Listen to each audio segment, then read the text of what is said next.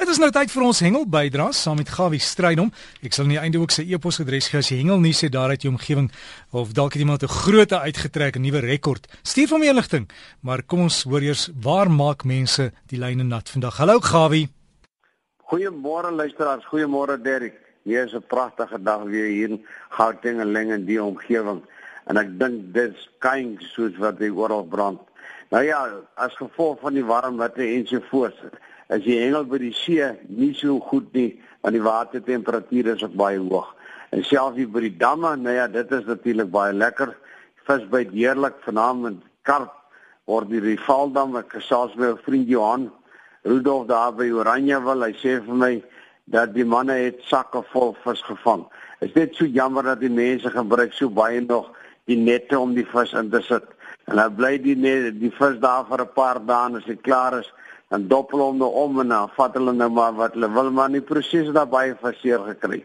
Ek dink jy moet sommer vanaf dag 1 besluit hoorie ek gaan een of twee visse neem en die res sit ek onmiddellik terug want dit is tog maar nou maar ons gaan mos nou nie water toe om te gaan visvang om te gaan kos maak nie, is mos 'n plesier.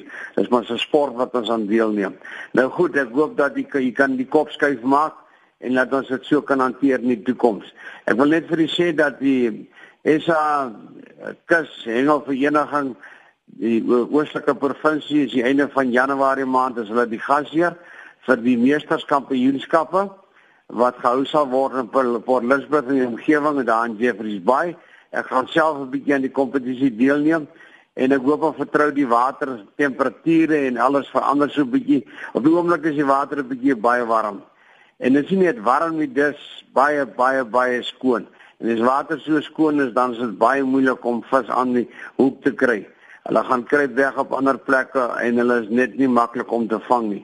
Nou Henry sê vir my hy het so 'n paar dae terug het hy 'n paar goeie gaan maak toe hy so 4 diamond skiets gevang. Dis nou die platvisse. So tussen 22 en 40 kg. Hy sê hy het toe onmiddellik opgehou want hy sê om hulle te vang want dit is tog nog nie wat hy probeer doen dit nie. Hy soek 'n paar lekker eetvisse onder 'n ander kabeljou. Hy sê maar dis op die oomblik baie skaars. En gepraat van skaars hulle sukkel geweldig baie dwars oor die land en oral om aas in die hande te kry. Dit sukkel met chokka dit sukkel met makriele hy sê en self die ander visse, die harders ensovoorts is op die oomblik baie skaars. Nou vra ek vir Henry wanneer gaan die visse nou weer begin aan die byt kom. Nou ja, dis so baie vakansiegangers. Hy sê vir my dit lyk asof dit sulke kolle olie is wat ronddryf in hier in hier in die see.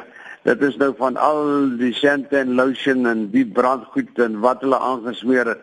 Nou ja, dis nou grapperwyse gesê, maar ons hoop en vertrou daar kom nou so 'n storm of iets van die aard en maak die see nou so 'n bietjie omgekrap en laat die winde weer verander. Sommige plekke met die ooswaai, ander dele in die land met die weswaai. Ek weet in die Weskus soek hulle weer 'n suidewind en dit maak die water weer 'n ander kleur en dit maak die hengelsoevloei baie makliker. Nou ja, op George is dit nou net so alwelik my soos dat met my ou vriend Henny klein gesels. As hy sê al wat is is 'n man wat 'n goeie lang gooi kan maak en oor 'n vat kan gooi dan kan jy dalk 'n vat kokain hak want ek sien al wat daar gevang word wat uitkom is nou die kokain. Dit is daar by Tergniet kom dit uit die Reebok het uitgekom by Hartenbos het uitgekom en dit is 'n paar honderd miljoen rand se kokain. Nou wat daaraan gaan sal ons nie weet nie ons hoop natuurlik dat hulle nou die goede die see kan verwyder en dat hulle ook natuurlik die skuldiges aan die man kan bring. Die vis is baie swak in die omgewing daar ook. Die water is dieselfde die see lê soos 'n dam Daar's geen skop in hom nie, daar's geen roering in hom nie en dit maak die hengel ook net so moeilik. Hulle eerste liga in die omgewing word die 18de gevang. Gaan dit plaasvind. Nou, selfe probleem, die aas is baie skaars. Ek verneem daar's plekke waar chokka kos tussen 200 en 240 rand per kilogram. Nou ja, dis maar twee ordentlike chokkas. Nou hoeveel vis kan 'n man met twee chokkas vang? Nou ja, ek hoop en vertrou dit kom reg. Ek sien daarom daar by Victoria Bay in die omgewing het 'n paar elwe uitgekom. Maar is nou nie groot elwe nie. Dis maar soos wat op die oomblik dwars oor die land gaan en leervis daar by Swartvleis en meer in die omgewing. Dit is natuurlik die plek hier om te gaan probeer as jy wil 'n leervis vang. Nou ja, dan is daar nog die groot polemiek wat natuurlik aan die gang is en dit is die kwessie oor die permitte van om vis te vang. En dit sluit nou seker nou aas in ensovoorts te praat van chokkas en maar spesifiek vis in die lynvis. Nou as ek na hierdie hele ding luister dan sê ek net jy weet as 'n man 'n klip in 'n bos gooi en jy hoor 'n gechunk aan met jy weet jy het nou die hond raak gegooi of iets raak gegooi en daar kom geleide uit ensovoorts ek wil my nie nou skuldig maak aan te sê wie is nou skuldig en wie nie maar dat dit blyk dat daar groot ongereimdhede plaasvind dit is waar Daar's oor die 3600 blykbaar aansoeke gewees en daar's maar seker so 600 van die permitte uitgereik. En daar's permitte uitgereik aan mense wat in sy lewe nog nie weet wat sy voor en agterkant van 'n skei nie. En as ek dink aan 'n skei, dan praat ek nog hier soos wat die sommige manne praat van skeire. Hulle weet nou nie weet hoeveel kos die goed nie, maar is baie baie geld wat geïnvesteer is om hierdie toerusting aan te skaf. En nou staan die goed buitekant die water en staan dit daar opdroog. Nou daar gaan nog 'n paar groot draaie gemaak word en ek is seker dat hulle gaan sekerlik in die hof 'n draai maak en as ek hoor wie het almal nou lisensies gekry wat voorheen glad nie dit gehad het nie, is dit 'n skande.